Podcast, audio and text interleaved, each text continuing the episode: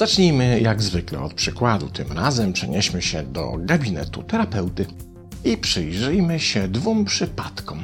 W pierwszym w gabinecie pojawia się Zośka, która w swoim związku zdaje się być nie do końca spełniona. Niby wszystko gra, ale istnieje pewna zadra, która czyni ją w istocie dość nieszczęśliwą. Po tym, w jaki sposób i co opowiada o swojej relacji, terapeuta wnioskuje, że w swoim związku Zosia przyjmuje postawę altruistyczną. Dla niej szczęście, spełnienie i dobre samopoczucie jej partnera jest zawsze ważniejsze niż to, co czuje ona sama. Tak bardzo się stara, by wszystkim było dobrze i miło, że w tym staraniu zazwyczaj pomija samą siebie. I od zawsze tak było. Najpierw po drugiej stronie relacji stali jej rodzice, więc Zosia ze wszystkich sił starała się spełnić ich oczekiwania, a wyrażenie przez nich jakiegokolwiek niezadowolenia było dla niej największą karą. Mniej więcej podobnie przebiegały jej relacje ze szkolnymi rówieśnikami. Zawsze w paczce przyjaciół oddawała się takim czynnościom, rozrywkom czy zajęciom, które zadowalały innych. Później ten system budowania relacji został przeniesiony na jej życiowego partnera. Efekt jest taki, że obecnie wszystko, co się w jej związku dzieje, ma na celu sprawienie, aby jej partner był spełniony, szczęśliwy i w dobrym samopoczuciu. Co więcej, partner już przebąkuje o potomstwie, a to dla Zosi oznacza pojawienie się na świecie kolejnych osób, którym Zosia odda się w całości, pomijając zupełnie siebie, własne potrzeby i zainteresowania. Terapeuta podrapał się w czoło, westchnął ciężko i w końcu przemówił. Musisz odpuścić innych i nauczyć się wreszcie robić coś dla siebie, bo w przeciwnym wypadku z każdym rokiem będziesz się czuła coraz gorzej, coraz mniej doceniana i coraz bardziej pozbawiona zarówno energii, jak i szczęścia. Jeszcze tego samego dnia w tym samym gabinecie pojawia się Zdzisiek, który nawet nie kryje, że na terapię wysłała go żona i przylazł tu dla świętego spokoju. Co więcej, jest nawet gotowy powiedzieć wszystko, co terapeuta chce usłyszeć, byle ten koszmar jak najszybciej się skończył. Tym razem jednak zarówno z opowieści z dziśka o swoim związku i życiu, jak i sposobu opowiadania, terapeuta orientuje się, że ma do czynienia z osobą dość poważnie skoncentrowaną na sobie i własnych potrzebach. I najprawdopodobniej właśnie ta koncentracja jest prawdziwą przyczyną tego, że żona z dziśka już z nim ledwo wytrzymuje, bo generalnie wszystko musi być po jego myśli. Są zatem oglądane wyłącznie te filmy, które on wybiera, jada się to, co jemu smakuje i jeździ się tylko i wyłącznie na wakacje tam, gdzie Zdzisiek sobie zażyczy. Świat ma się kręcić jedynie wokół niego. Kiedy zaś zostaje mu zadane pytanie o wskazanie poziomu szczęścia w tym związku, Zdzisiek odpowiada: No, jest jak jest, raz lepiej, raz gorzej, jak wszędzie.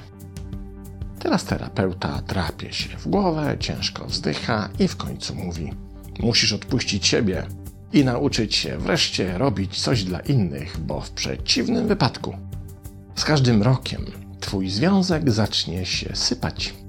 Będziecie się coraz bardziej oddalać od siebie, a Ty sam będziesz zdziwiony tym, jak mało Was już łączy. Mamy zatem pierwsze wskazanie, to dotyczące Zosi i mówiące, że musi pokonać swój altruizm i przejść na drugą stronę mocy, ucząc się robić coś dla siebie.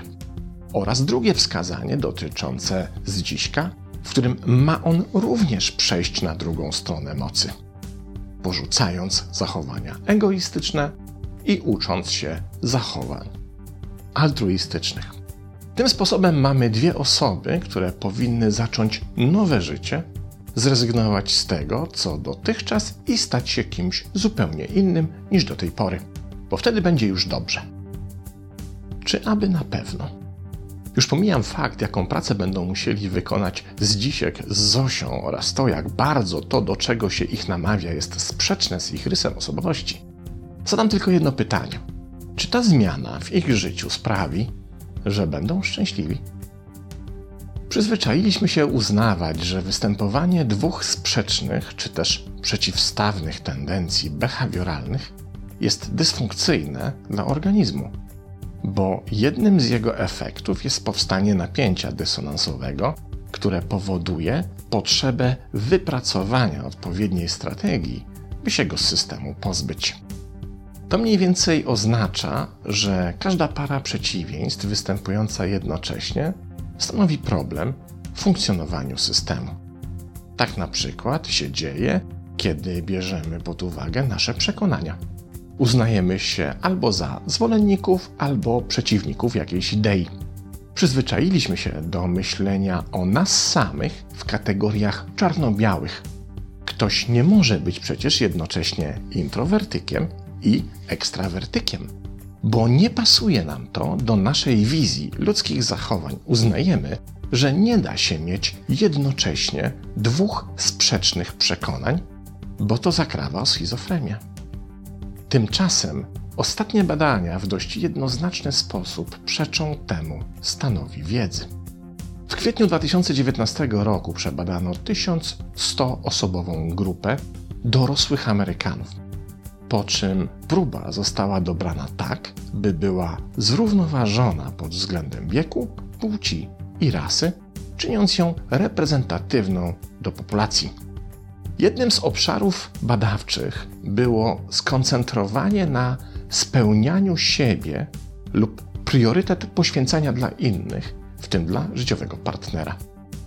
Każda z kwestii była skalowana, co pozwoliło na uzyskanie wyników zarówno wysokich koncentracji na sobie lub priorytetu koncentracji na innych, jak i niskich.